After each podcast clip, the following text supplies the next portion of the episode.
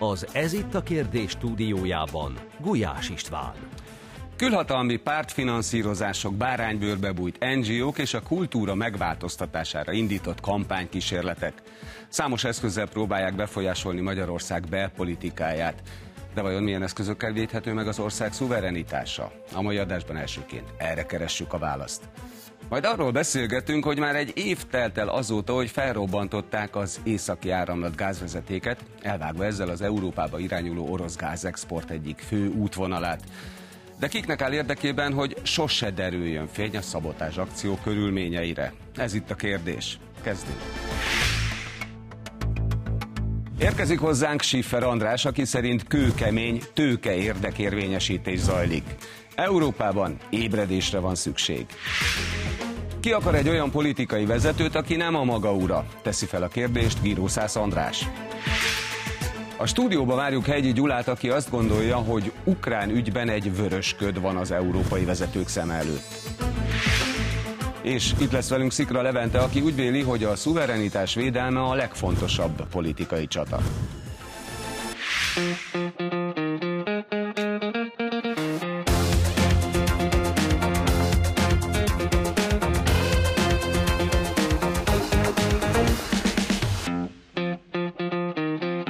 Jó estét kívánok, üdvözlöm a nézőket, és köszöntöm stúdiónk vendégeit. Szervusztok, köszönöm, hogy eljöttetek.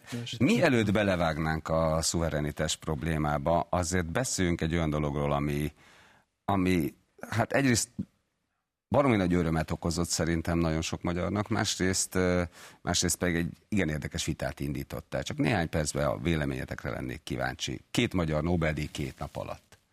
Karikó Katalin, Krausz Ferenc, ugye orvosi Nobel-díj egy fizikai, tulajdonképpen kvantumfizikával, kvantumfizikához kapcsolódó Nobel-díj. András, szerinted, mint magyar és mint homopolitikus, az az értékelés, amit Magyarországon van, ez mennyire fedi azt az örömet, amit éreznünk kellene? Hát én nem tudom, hogy ezt milyen mértékegységbe kéne mérni. Nyilvánvalóan nem csak óriási siker, hanem teljesen jogos büszkeség minden magyar számára az, ami az elmúlt 48 órában történt. Ö, azzal együtt, hogy ö, legalábbis elgondolkodtató, hogy most a legpontosabb számítások szerint 15 magyar Nobel-díjas tartanak nyilván több mint száz év alatt de a 15 magyar Nobel-díjasból még azok, akik úgymond itthon nyerték, tehát itthon tartózkodtak állandó jelleggel, amikor elnyerték a Nobel-díjat Szent Györgyi Albert és Kertész Imre, még ők is az aktív pályafutások jelentékeny részét nem Magyarországon töltötték. Tehát ez szerintem mindenképpen mindenképpen elgondolkodtató, tehát ez nem csak a mostani kurzusról, nem csak a rendszerváltás óta íródó magyar történelemről szól, ez az elmúlt több mint száz év Magyarországáról szól, hogy miért van az, hogy az igazán nagy teljesítményeket magyarok nem képesek, vagy nem, nem Magyarországon érik el, nem csak Magyarországon érik el, mondom, ez felettébb elgondolkodtató, és Karikó Katalin Nobel-díja azzal együtt is abszolút jogos boldogságot, büszkeséget okoz minden magyarnak, hogy függetlenül a tudósok teljesítményétől és elvitathatatlan szellemi nagyságától egy csomó kérdés az elmúlt két év, tehát a Covid két évéről, elmúlt három évből továbbra is megválaszolatlan, és ezek továbbra is megválaszolásra várnak. Tehát ez a De ez nem a Nobel de mondom, fele. ezt válasszuk ketté, tehát egy dolog a, a, az, hogy méltán büszkék vagyunk arra, hogy két nap alatt két Nobel-díj egy végül is kis nemzetnek a nagyok árnyékában, de ez nem teheti zárójelbe a megválaszolatlan kérdéseket, ami 2020 tavasza óta ott lógnak a levegőben, és még annyi, hogy azért az, én nagyon reménykedem abba, hogy még azért itt az irodalmi Nobel-díj környékén is lehet keresni valója magyarnak a következő napokban.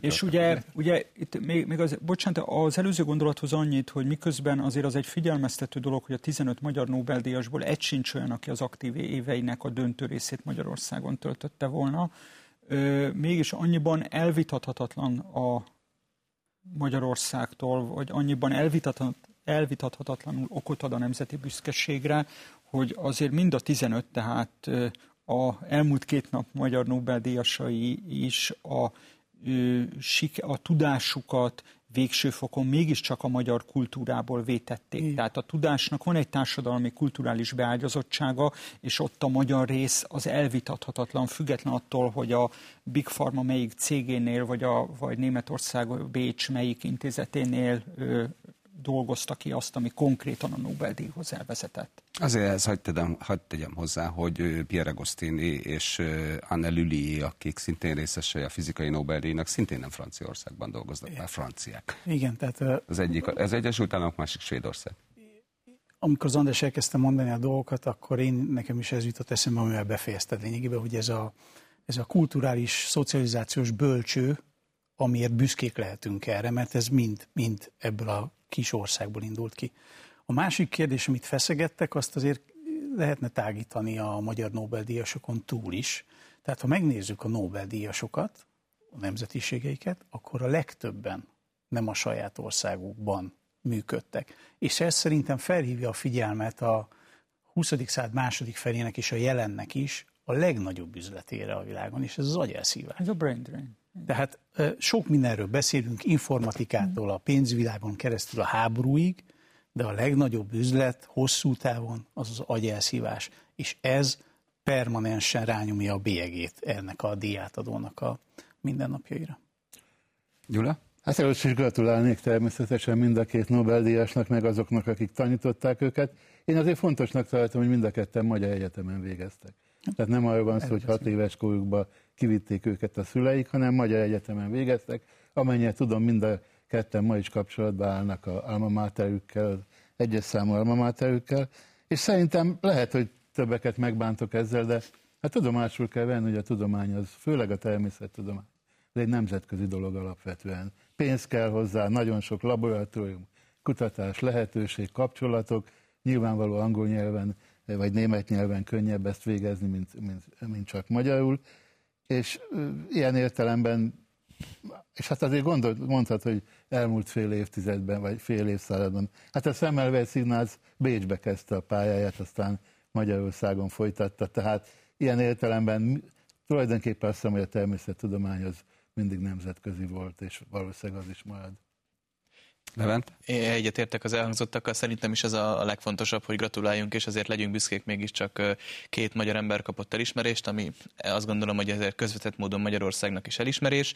Egyetértek egyébként a Covid-dal kapcsolatos felvetéseiddel is, András, mert nyilvánvalóan ott tényleg sok megválaszolatlan kérdés van, de azzal is, azt is gondolom, hogy ezt most tényleg nem, nem a Nobel-díjak kapcsán kell megvitatnunk, hiszen most magyar nemzeti sikerekről van szó, illetve magyar tudósok sikeréről, és az agyelszívás problémáját is nagyon fontosnak tartom. Nehezen száll be ebbe a küzdelembe egy 10 milliós ország, tehát meg, meg kell próbálni, mert nyilván minél inkább Magyarországon érik el ezeket a sikereket a magyar tudósok, annál jobb, de azért legyünk tisztában a realitásokkal. A 350 milliós Egyesült Államok az mindig sokkal több agyat fog elszívni, mint a Magyarország. Ez kétségtelen. De azért... Egy mondatod. Gyula, tehát én azért azt vártam tőled baloldaliként, antiimperialistaként, hogy arra rámutatsz, hogy ugyan az, hogy a tudomány, főként a természettudomány nemzetközi esedik, ez igazából már a középkori Európában tetten érhető volt, de valahogy az elmúlt nem 50 év, az el, 1945 óta, hogy az András is erre célozgatott, ez eléggé egy irányba történik. Tehát, hogy az amerikai Egyesült Államok az, amelyik különböző módszerekkel folyamat, és nem is az Egyesült Államok, mint társadalom, vagy mint államgépezet, hanem az Egyesült Államokban gyökeredző, vagy onnan kisarjat globális nagyvállalatok azok, amelyek a tudást elszívják a félperifériáról és a perifériáról.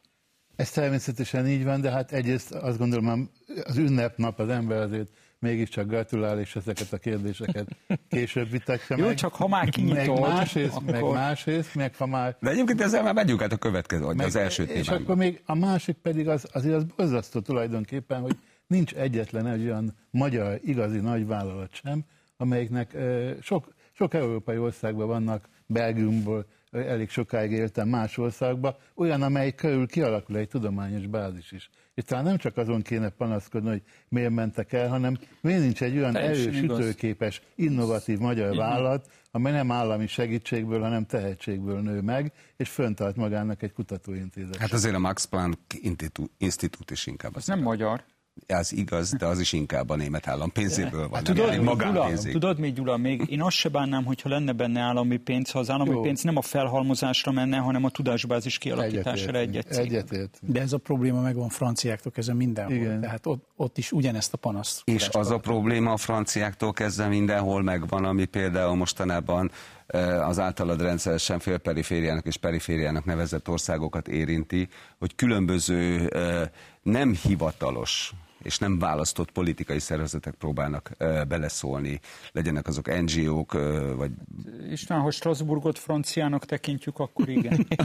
Ez már megint egy újabb dolog, amit nem le, veszélyes dolog lenne megnyitni. Ez érdekes lenne, hogyha De- ezt összekevernénk. Tehát, hogy, hogy különböző NGO-k próbálnak belpolitikai ügyekbe De úgy beleszólni. Én nagyon örülök, hogy a Strasbourg azonnal szóba került, hiszen valóban ott az Emberi Jogoknak Európai Bírósága az az egyik központi intézménye ennek a problémakörnek, hiszen ott érnek célba tulajdonképpen ezek, a, ezek az NGO-k. Az az az intézmény, amelyik rendszeresen az ilyen szervezeteknek a keresetére, beadványára megadja nekik azt a jogot, ami, amit ők követelnek maguknak, és nagyon sok esetben egyébként ezt azzal az indoklással teszi a bíróság, amit mondjuk az ENSZ vagy más olyan szervezeteknek az úgynevezett soft law dokumentumaiból olvastak ki, aminek az elfogadásával jellemzően azzal veszik rá az országok jelenlévő képviselőit, hogy nem kötelező erejű, tehát semmi bajon nem lesz tőle, hogyha megszavazod, majd a, a nemzetközi bírósági fórumoknak az ítéletében már kötelező erővel visszaköszönnek ezek hivatkozási pontként, tehát ez egy nagyon komplex összetett problémakör, aminek valóban a kiinduló pontja ez az NGO hálózat, és a végpontja pedig ez a nemzetközi bírósági rendszer, amelyek közül a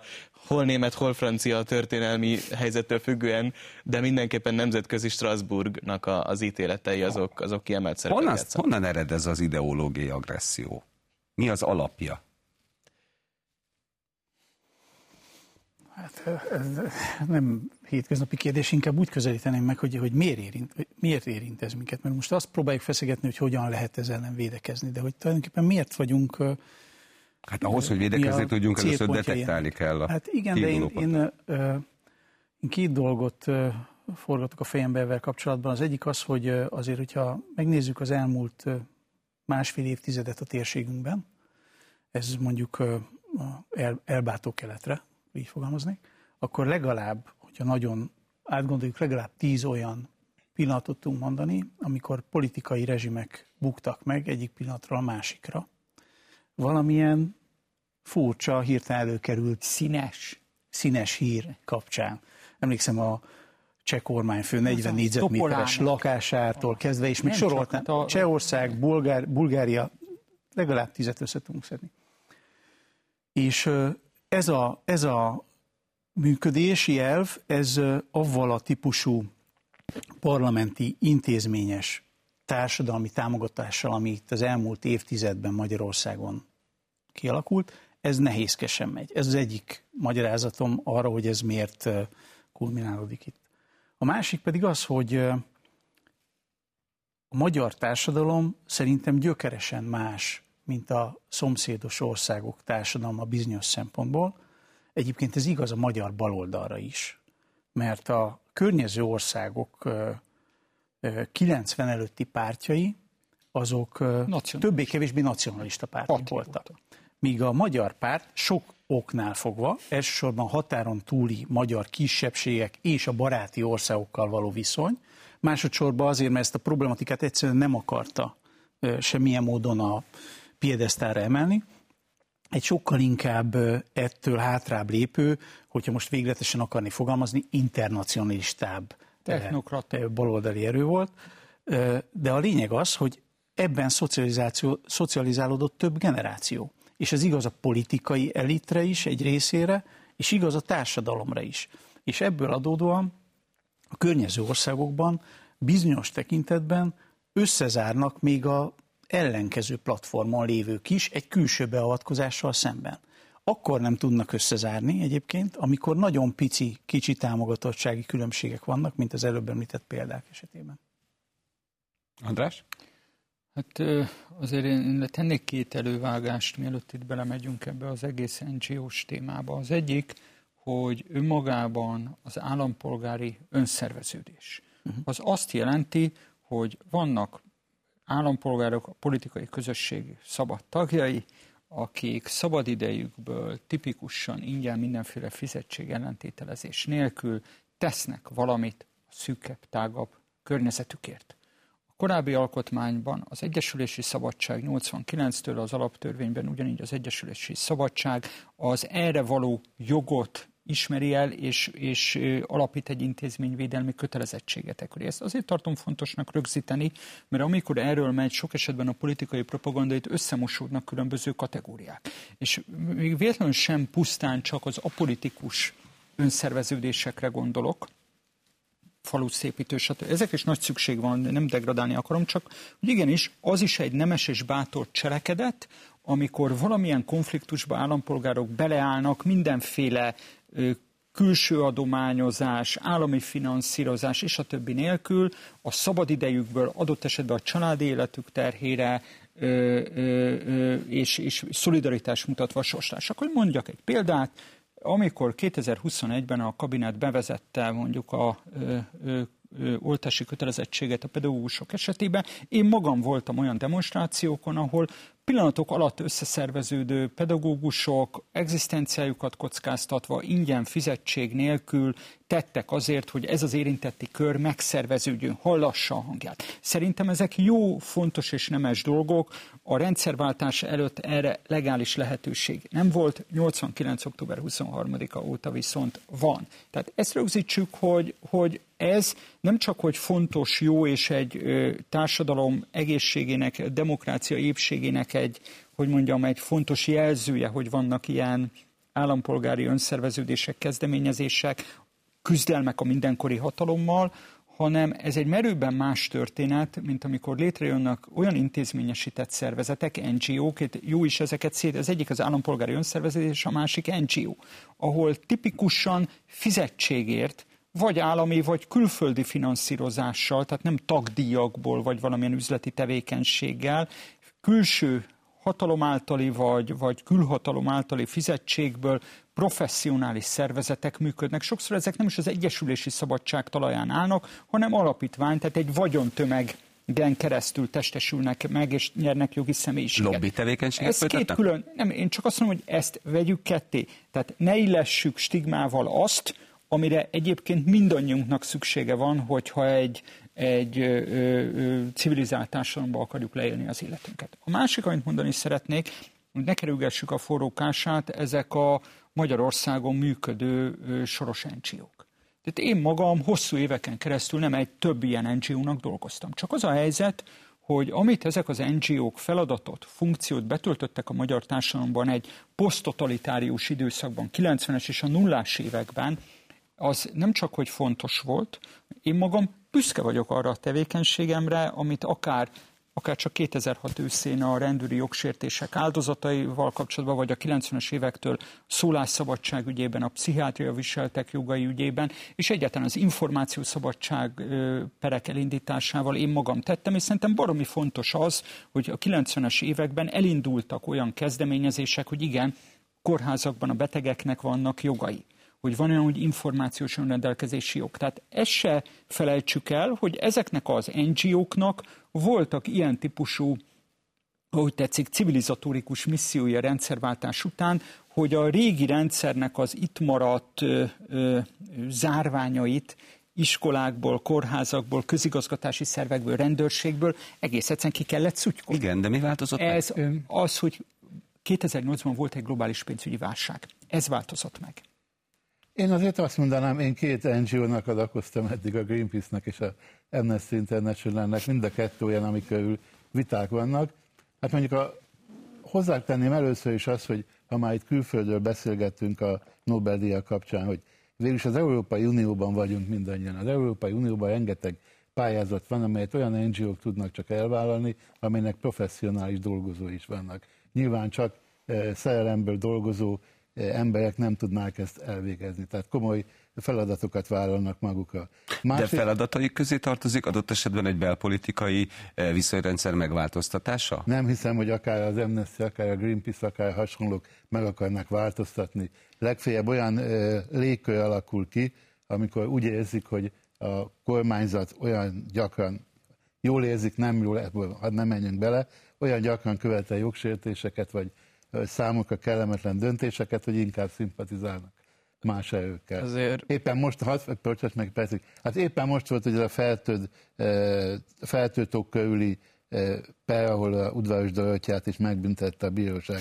Azt gondolom, hogy egy ilyen ügyben, amikor a természet védelmébe föllép egy szervezet, abban semmi kifogásolni való nincsen. A másik pedig, ami az anyagi támogatást illeti, ami tudom, hogy ez szintén probléma. Én megmondom őszintén, a tiltás helyett a nyilvánosság híve vagyok. Tehát, hogyha valaki minden bevételét köteles nyilvánosan leírni, akkor világossá válik az mindenki számára, hogy ez, ha mondta, mondjuk nem létező párt, mondjuk, hogyha a kék párt kap egy támogatást a Tunéziától, akkor a Tunézia ügyébe föllép, akkor mindenki tudja, hogy ez egy megvett dolog.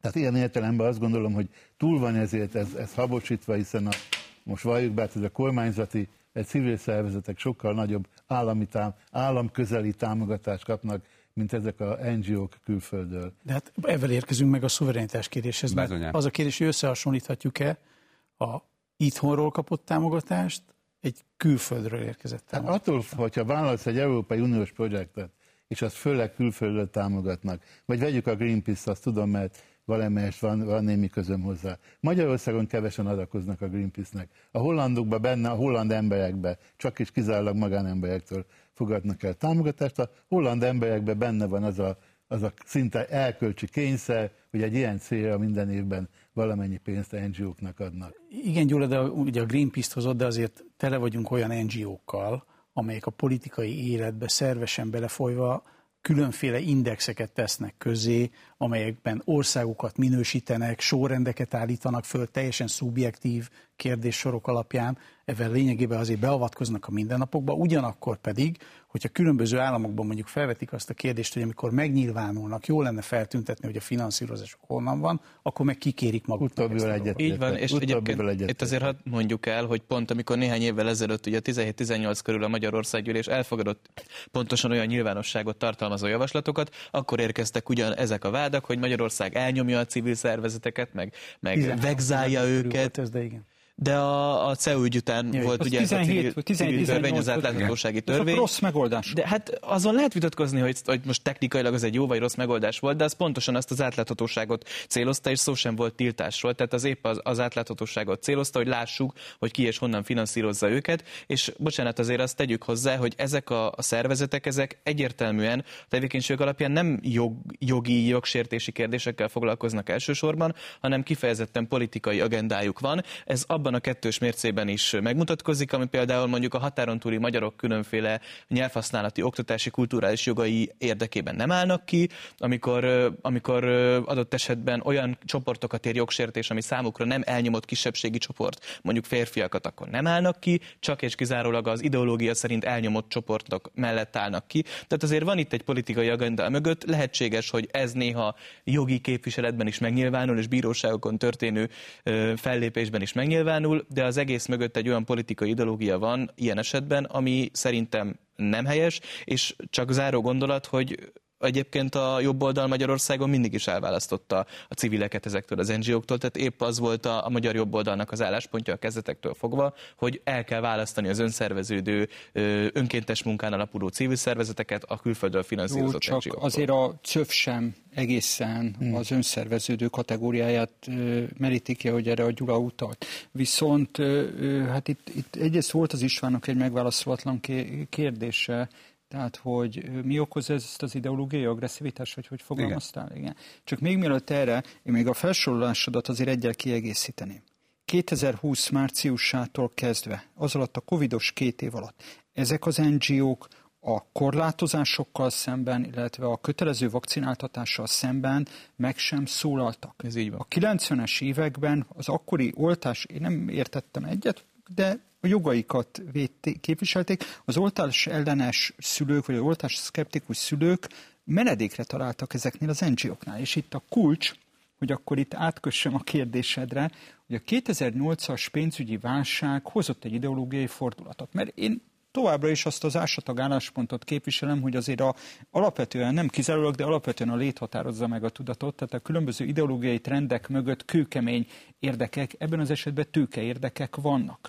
A hidegháború után ez a neoliberális konszenzus megelégedett egy ilyen technokrata lebernyekkel. Ez két, már a globalizáció kritikus mozgalmak 2000-es évedésénél, ez rep, ébredésénél repedezett, de a 2008-as pénzügyi világválság megmutatta, hogy a király mesztelen. Át kellett csomagolni a történetet. És 2008-tól jön ez a progresszív vók nyomulás. Hogy mire gondolok? A, én nekem például még van otthon szivárványzászlóm, csak az egy 2003-as szivárványzászló Pácse felirattal. Mert a 2000-es évek elején éppen, hogy az amerikai agresszió, az antiimperialista tiltakozásnak volt ez a jelképe. Ez 2008 után lett elcsatornázva ez a sztori. Tehát én ezt gondolom, hogy ez a válasz, hogy 2008 után át kellett az egészet csomagolni, és azóta van ez a, a vók progresszív ö, nyomulás, de hogy, hogy hogyan működik, tehát itt nem csak Magyarországról szól, és az eredeti felvetésed is Európában. Így van, itt. Mondok egy látszólag teljesen ártalmatlan történetet.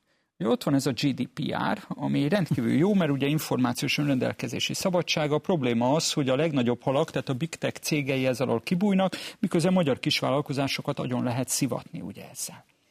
Most én nem néztem, nem, nincs is kapacitásom, hogy utána kutassak, csak érdemes lenne megnézni, hogy akik mondjuk egy olyan jó tíz évvel ezelőtt brüsszeli bürokrácia folyósóin elkezdték elkészíteni a GDPR-nak a koncepcióját, azok adott esetben milyen konferenciákra jártak, milyen NGO-knál dolgoztak, vagy kaptak különböző támogatást. Nagyon nem lepődnék meg, hogyha kiderülne, hogy jó, nem mondom, hogy mindenki, de jelentékeny részüknél ezek a csatornák Amerikába mutatnak. Nézzük meg, hogy Amerikában van ilyen, hogy GDPR. Nincs. Nincsen. Nincs. És elérkeztünk a jogi versenyképességhez, tehát hogy Európa ilyen szabályokkal gúzsba köti a saját vállalkozásait, például nem csak Kínával, az Egyesült Államokkal szemben. Tehát ezért ö, állítom azt, hogy az ilyen ideológiai szószok mögött kőkemény tőke érdekek, tőke frakciók érdekei érhetők tetten. És eljutottunk talán először, én ezt így nem merem megkockáztatni ezt a mondatot, de legalábbis a, a közelmúltban, a 50 évben először abba a, a helyzetbe, hogy akár a, a, a politikailag korrekt beszédtől a vókig egy olyan nyomást helyez a politikai elitre is, akár még tudtán kívül is, hogy a valós problémákról, a választóikat sokszor sok húsba vágóan érintő problémákról nem mernek, hogy mondjam, egyenesen nyilatkozni. És ez vezet oda... Dehogy egy... nem, egyenesen kimondják, hogy nem érdekli rendben, a választói akarat. Ez vezet, ez, ez vezet volt, oda, hogy sokkal jobban óriási. függnek sokszor ezektől az NGO-któl,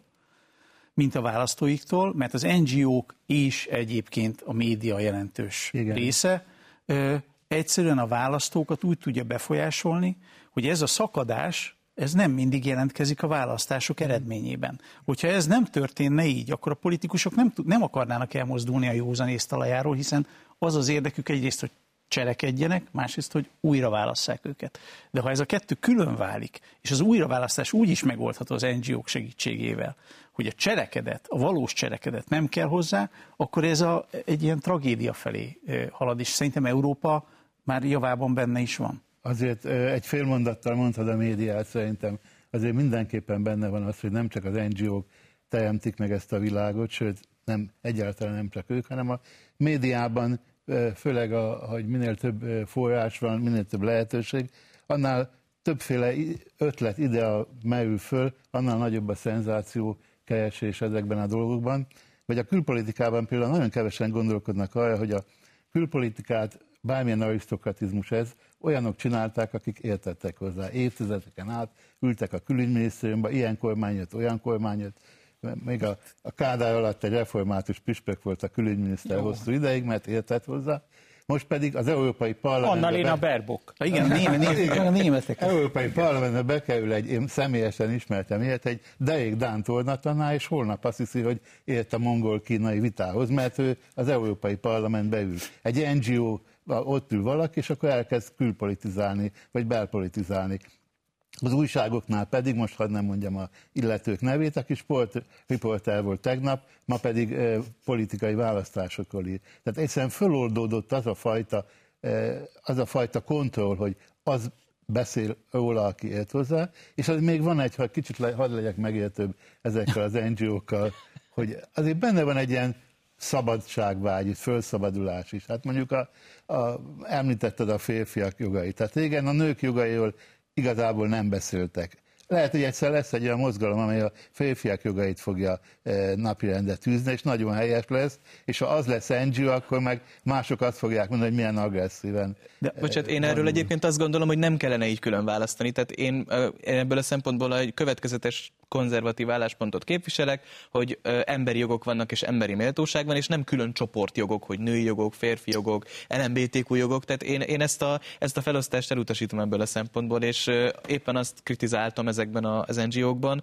hogy ők viszont ezek a csoportok alapján ö, válogatnak, hogy ö, kit ö, képviselnek, kinek a jogai állnak ki, és kinek a jogai meg nem számítanak. Tehát, de, de, és még egy gondolatra azért a média, médiára én visszatérnék, azt nem engedném el ilyen könnyen, mert főleg főleg Európában és különösen Németországban látom azt, hogy a, a médiának a szerepe az óriási. Tehát lényegében a média határozza meg a politikát, és minden vezető politikus, tehát most ezzel a értem a nem AFD-s politikusokat Németországban, mindenki azt keresi és azt mondja, amit a média tőle hallani akar. Ha Friedrich Merz véletlenül merészel valami olyasmit mondani, ami a médiának nem tetszik, másnap kint van az elnézés kérése az oldalán, mert Németországban nincs olyan szuverén politikus az AFD-n kívül, aki azt mondaná, hogy bocsánat, kedves média, hiába neked nem tetszik, én akkor is így gondolom. Lassan az AFD a legnépszerűbb párt. Hát az, az jön, jön is fel az AFD rendesen, és még mielőtt még a 444 címlapján szerepelnék holnap, ezzel nem kiálltam az AFD mellett, és nem azt mondtam, hogy az AFD bármilyen szempontból de jó lenne, hanem azt mondtam, hogy a német médiának a szerepe olyan nagy a politikusokra, hogy a politikusok befolyása, a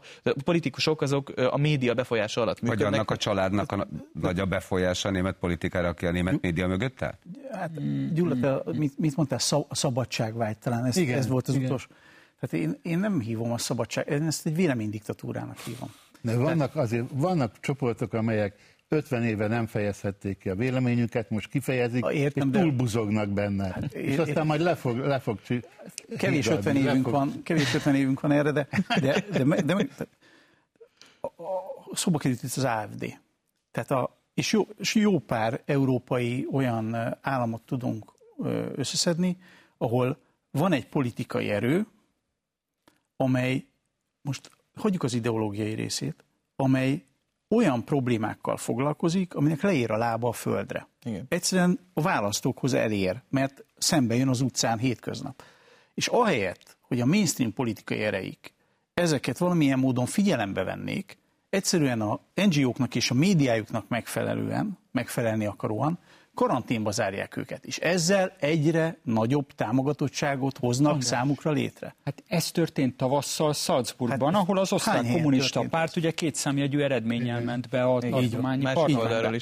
De, de, az, de csak, csak én azt szeretném kihangsúlyozni, hogy itt még csak nem is önmagában az NGO-sodással van a probléma, hanem ott, és nem is általában az NGO-kat kárhoztatnám, hanem akkor, amikor kitapintható az, hogy bizonyos NGO szegmensnek a finanszírozása ugyanoda mutat, és az ugyanodától ugyanazt a, az ideológiai elvárásrendet kapja.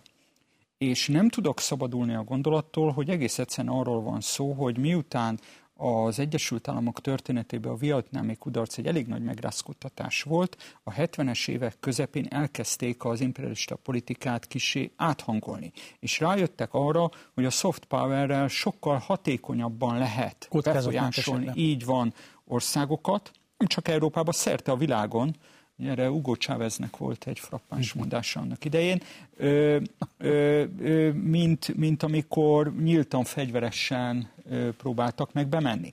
Tehát szerintem innentől kezdve izgalmas a történet, és nekem az a problémám, hogy ezt önmagában egy ország ezt nem tudja kezelni.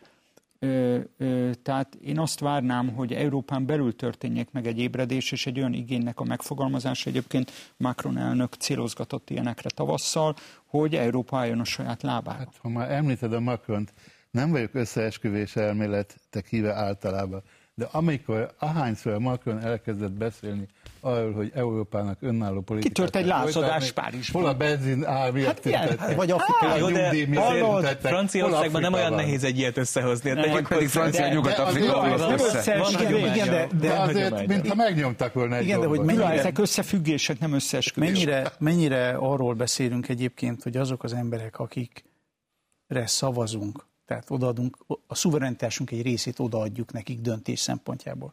Hogy azok az emberek sok szempontból nem a maguk urai. Egy, mondok egy olyan példát, ami, amit átéltem, megtörtént, természetesen név nélkül. Tehát többször előfordult az, hogy német, nagyon magas beosztású eh, Bundestag eh, funkcionárius, vagy kormányzati funkcionárius Magyarországon tárgyalva a kormányjal az ajtók mögött elmondta, hogy ebben, meg ebben, meg ebben a kérdésben most a három elmúlt tíz év topikját, ha elővesszük, nagyon nektek drukkolunk. És akkor, hát, de nem mondhatom, elmondtam, mert a sajtó másnap politikailag kinyír egy életre. Tehát azért ezek nagyon súlyos mondatok Európa egyik legnagyobb államának vezető politikusaitól.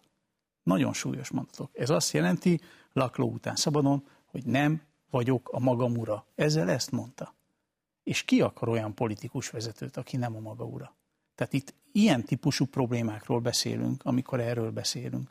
Akár Macron kapcsán, akár Igen. bárki. És, és tényleg ez az általános jelenség, hogyha az ember megnéz egy névet interjú helyzetet, akár egy ilyet, vagy egy egy-egy interjú helyzetet, a politikus mindig defenzívában van, az újságíró mindig számon kéri, ebből elsőre azt is gondolhatnánk, hogy hú, micsoda független újságíró, hát hogy sarokba szorítja ezt a politikust, csak éppenséggel a politikus nem megvédi az álláspontját, vagy nem azt mondja, hogy de én bocsánat, ezt gondolom a világról, hanem azonnal elkezdi magyarázni, hogy meg, megpróbál úgy be, bekúszni, hogy akkor mégiscsak úgy állhasson fel az interjúról, hogy oké, okay, oké, okay, nem feleltem rosszul vizsgabiztos úr, vagy professzor úr, tehát a, a viszonyrendszerek felborultak a, a, a sokszor Európában, és, és a politikus nem képvisel egy álláspontot, hanem megpróbálja elmondani azt, amit várni, várnak tőle. Orbán pénteki rádióinterjúnál azért nem mondható el, hogy a riporter agyon kínozza a kérdéseivel. Nem, ez valóban az, meg a másik véglet, Csak kettő között kellene Igen, de a miniszterelnök ki szokott állni a sajtótájékoztatón. Kettő a között kéne megtalálni egy... Igen, csak Gyula, tehát a, a nagyon naív vagy jó hiszemű megközelítésed mellé azért rakjuk oda azt,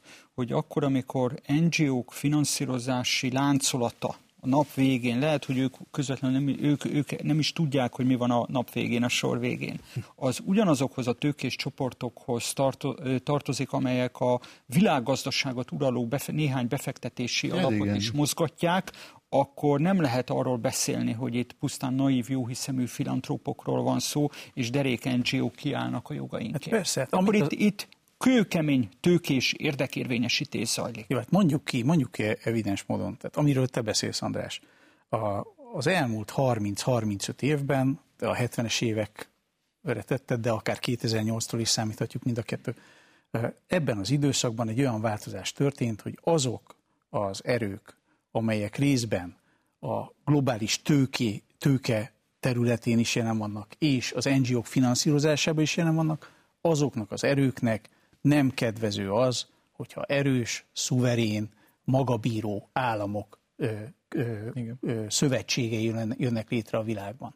Tehát ez egy kedvezőtlen helyzet számukra, és minden erejükkel azon vannak, részben a tőke, részben az NGO-k oldaláról, hogy ez ne valósulhasson meg, vagy ha megvalósult, akkor mindenképpen kikezdjék, és mondjuk azt, hogy negligálják. És itt jön a következő téma, menjünk, lépjünk egyet. Egy év telt el azóta, hogy felrobbantották az északi áramlat gázvezetéket, elvágva ezzel az Európába irányuló orosz gázexport egyik főútvonalát. De kik- kiknek állt érdekében, hogy sose derüljön fény a szabotás akció körülményeire, ezzel folytatjuk. Most egyébként a, ugye a német sajtóban fölpörgött, hogy mégiscsak Ukrajna volt az, aki, de kezdjük vele Gyula, mert te nagyon egyértelműen leírtad, leírtad egy cikkedben, hogy aki felrobbantotta ezt a bizonyos gázvezetéket, az nem csak Oroszország gazdasági tönkretételét, de Németország megfenyítését is pontosan elsősorban. Elsősorban. Hát, ö, nem tudom, szégyeljem vagy büszke legyek rá, de két nappal a felrobbantás után lényegében megírtam, hogy Legyél a büszke. Biden, Legyél büszke. Legyél, előtte írtam volna két nap. rendelte meg, és őszintén szólva nem illik ilyet mondani, szerintem épesző ember mindenki tudta, hogy így volt. Tehát az, hogy most a...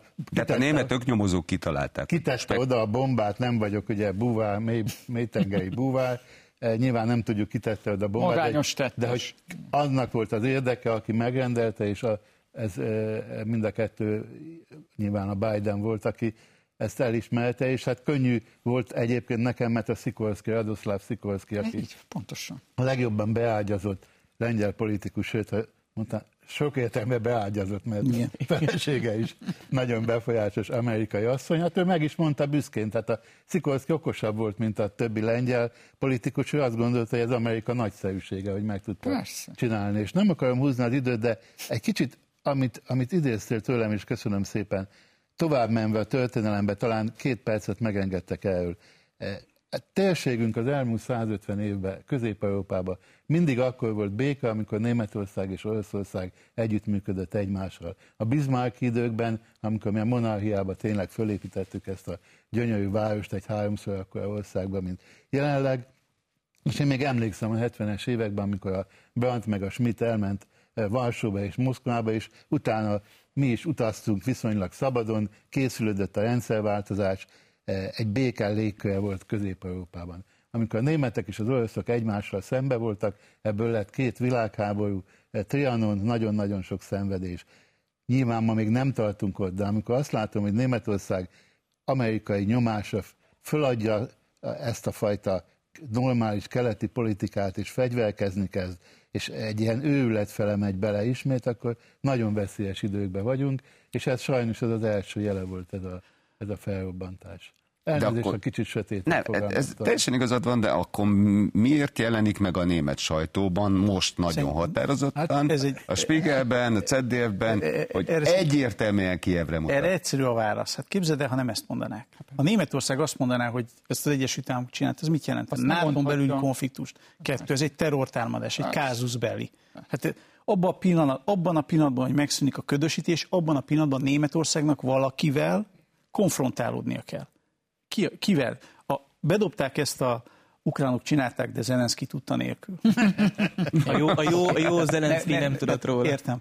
De akár ez, akár az, val, valakivel konfrontálódnia kéne. Ezért soha nem fognak, az az igazság, hogy ebben kapcsolatban azt mondom, hogy soha nem fogjuk tudni, megtudni, mert abban a pillanatban ez automatikus állami cselekvéseket vonna maga után. Bocsánat, csak szerintem maga a robbantás is automatikus állami cselekményeket kellett volna, hogy maga után hát mondjon, és Németország ezt nem tette meg. Én azzal gondoltam, az első témánk. Azzal gondoltam, pont ezt akartam mondani, hogy nem váltottunk témát valójában, tehát továbbra is a szuverenitás témájánál vagyunk, és nagyon nagy a különbség a, a Merkel éra Németországa és a mostani Németország között ebből a szempontból, mert a Merkel, Merkelt nagyon sok szempontból lehet kritizálni, én magam én is, én is elég sok kritikus, kritizálható te, dolgot látok az ő tevékenységében, de az, hogy a német gazdasági érdekeknek megfelelően a konfliktust is felvállalva, az amerikai kormányal is szembe menve megépítette ezeket a vezetékeket, és az első üzembe is helyeződött, a második pedig elkészült, és csak az engedélyekre várt. Tehát az egy, az egy komoly teljesítmény volt az ő részéről, és ma Németország ezeket a konfliktusokat nem meri felvállalni. Én azért abban óvatos lennék, hogy nem jelenteném ki ennyire biztosan, hogy, hogy kitette, de a jelek azok eléggé érdekesek és gyanúsak, azt, ezt én is elismerem. Az egyértelmű, hogy nem érdeke sem Amerikának, sem Németországnak, sem talán a többi szereplőnek, hogy nyilvánosságra kerüljön, hogy mi történt, mert akkor valóban következményei kellene, hogy legyenek ennek a dolognak. Tehát egészen botrányos az, hogy egy nagy európai ország energiaellátását ilyen módon tönkre lehet tenni. De eljutunk oda, bocsánat, hogy azt mondjuk itt, hogy nem érdeke Németországnak, hogy nyilvánosságra A német politikai elitnek, Ném, bocsánat, okay, így de, pontosan. De abba gondoljatok bele, hogy de azért juthattunk el ide, mert az a szuverenitási Igen. folyamat, vagy leépítési folyamat, amiről előtte beszéltünk, az Németországban végbe ment. Hát előtte, hogyha, ez, hogyha egy önálló politikai entitás hmm. lenne Németország élén, akkor ez egyszerűen nem, nem kerülhetett volna ebbe a helyzetbe. Hát, igen.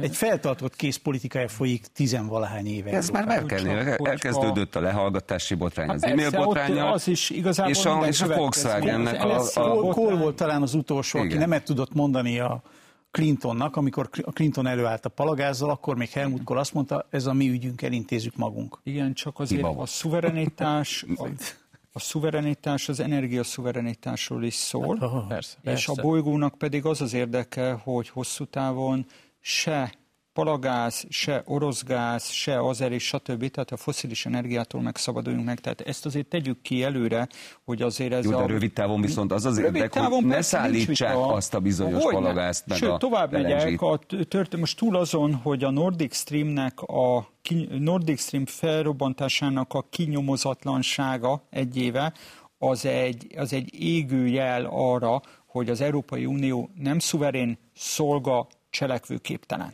Ezt kimondhatjuk Igen. Németországról is, és az Európai. Unióról is. És mi történik most, hogy nincsenek, semmilyen kapcsolat nincs gyakorlatilag, hivatalos gazdasági kapcsolat Németország és Oroszország között?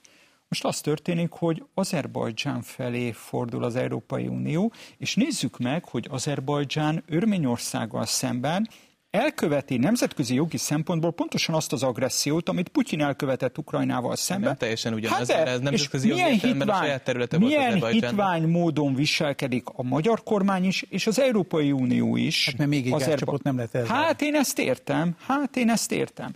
És még valami, hogy ö, itt nem csak a Nordic Stream kinyomozatlanságáról van szó, hanem hogy a russzofóbia egy év után még nagyobb, vagy bő év után még, még hisztérikusabb, mint valaha. Tehát most már ugye arról van szó, hogy napirenden van az oroszok, beloruszok kitiltása, olimpiá, stb. stb. az orosz kultúra eltörlése és stb. Az orosz maga, magántulajdon lefoglalása, Hogyne, személyautók hogyne, hogyne, úgy, István, van. úgy, hogy azok az emberek akár törvényesen, akár törvény ellenére szerezték a vagyonukat, azért mentették Európába a vagyonukat, mert hogy Európában liberális demokrácia van, nem úgy, mint Putyin autokráciájába. Ezt jó megkapták most. Csak azt szeretném mondani, hogy akkor viszont, amikor a bolygó jövőjéről beszélünk, akár klímaválság, vagy az ökológiai válság bármelyik másik szegmense, nukleáris hulladékok kezelése és a többi. Hogy, gondol, hogy gondolkodunk a bolygó jövőjéről, a globális párbeszédről, az ökológiai válság bármely szegmense kapcsán, hogyha Oroszországot nem létezőnek tekintjük, nem beszélve Kínáról, Indiáról, tehát a BRICS államokról, amelyek ráadásul a bolygónak már nagyobbik részét kezdik kitenni január 1-től minden ö, ö, ö, tekintetben. Csak azt akarom mondani, hogy a fegyverszállítással nem értek egyet, de értem. A szankciókkal az egy- első néhány szankciós csomag után nem értek egyet, de értem, hogy azt célozzák, hogy megtörjék az orosz haderőt, az agresszort. Na de a kulturális, sportbeli eltörlése az oroszoknak az egy mélységes, áthidalhatatlan olyan szakadék, ami már nem pusztán Európa cselekvőképességéről és energiapolitikájáról szól, hanem arról, hogy egyébként a globális problémákról, a bolygó túléléséről lehetséges-e a párbeszéd. Hát, eh, Hát eh, amikor, ja, bocs- bocsánat. Hát amikor a szankciókat meghozták, volt egy olyan szankció is, hogy eh, a Szibériában a permafrostot, ami a legjobban szennyezi a levegőt, ugye a német és olasz tudósok kutatták együtt, és a szankció volt az, hogy a német tudósok kivonultak Szibériából. Most már nem érdekes, hogy a metán fölmegy az Mint a vihar. Az az érdekes, hogy az oroszokkal nem működjünk együtt. Sajnos, ha kiegészítem az András, hogy azt gondolom, hogy ukrán ügyben egy vörös köd van a legtöbb Igen, ö, igen. nyugati politikus előtt. Valóban látja az ember azt, hogy egyszerűen nem tudnak másról beszélni. Tehát az, hogy, hogy itt van ez a szlovák párt, a, a Smer. irány szociáldemokrácia nevű párt. Most lehet, ne, senki nem beszélt arról, hogy mi a szociális programja, mit gondol a környezetvédelmről, mit gondol a melegekről, a nőkről, csak és kizárólag, hogy mit gondol Ukrajnáról. Mintha semmilyen más problémája nem lenne a 6 millió szlováknak, 10 millió magyarnak, 80 millió németnek, mint hogy mi van Ukrajnában. Az a 20 millió ott megmaradt Ukránnal. Jó, de ez, bocsánat, ez, ez, ha belegondoltok, semmi másról nem szól, mint arról, amiről már korábban beszéltünk, hogy valami olyan emocionális dolgot létrehozni, ami amikor a ráció bevillanna, hogy itt azért mégsem kell valamit csinálni, az emóció továbbütése. Jobban gyűlöljük az oroszokat, vagy bárkit most éppen Igen. ebben a példában, mint hogy a racionális érvek mentén elkezdjünk dolgokról gondolkodni. Mert így, így tudja ez a, és már ott vagyunk, ahol beszéltünk a szuverenitásnál, meg az NGO-knál, és még sorolhatnám. Tehát egy nagyon furcsa folyamatoknak az összegzését látjuk, ami nagyon nagy mértékben befolyásolja, és nem csak a politikai elitnek, Tehát hanem a, az aktívan politizáló közvéleménynek is a gondolkodását. Igen, tehát a, a kollektív bűnösségnek a gondolata az a 30-as, 40-es évek után újra megjelent Európába, és pont azoktól jelent meg, akik általában a leghangosabban szoktak, szoktak arról beszélni, hogy ilyen soha többet, meg nem térünk vissza erre, erre a dologra, és amikor mondjuk Magyarország egy eltérő álláspontot képvisel ebben, és mondjuk azt mondja, hogy a gazdasági együttműködést Oroszországgal nem kéne teljesen megszakítani, akkor Magyarország lesz ugye a főbűnös és a fő ellenség. Tehát ez egy, ez egy nagyon súlyos és veszélyes dolog, és azért azt gondolom, hogy itt ideje lenne visszatérni a, a normalitáshoz ebből a szempontból. Része az annak látszólag nem tartozik ide a kérdés, és körülbelül egy percünk van rá, úgyhogy egy-egy mondatos vagy szavas választ kérek rá része az annak, hogy, hogy a, az autonóm kultúrák helyett egy globális civilizációval akarják fölváltani hogy? ezt a világot?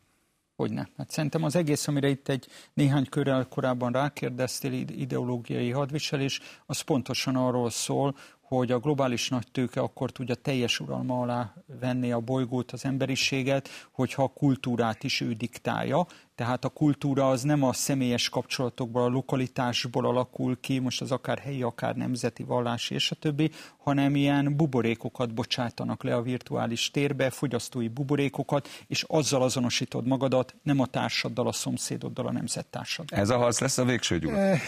Ez a harc nem lesz a végső, az emberiség történetében mindig voltak újabb és új, újabb hullámok. Tényleg nem akarok hosszú lenni. 18. században Magyarországon a művelt emberek latinul beszéltek, latinul írtak, magyarul csak a parasztok írtak. És aztán jött egy hullám, ahol illő volt, és jól írni, magyarul beszélni. Most inkább angolul beszélünk sok minél többet. Szerintem ezek civilizációs hullámok. A magyarság is, meg a kultúra is megmarad. Úgy legyen. Köszönjük ezt Kazinszinak, Csokonainak, Balassi Bálintnak, és még lehetne mondani. Köszönjük egyetértek a, a, ezzel a talán optimista megszólalással.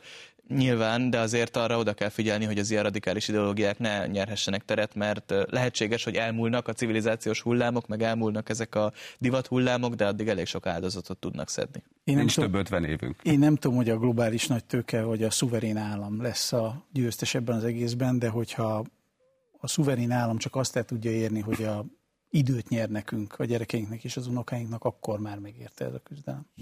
Köszönöm, hogy eljöttetek. Köszönjük. Önöknek köszönöm a figyelmet, önök az Ez itt a kérdést látták műsorunkat, újra megnézhetik a mediaclick.hu-n és a Youtube-on, illetve most már meghallgathatnak minket a Spotify-on is.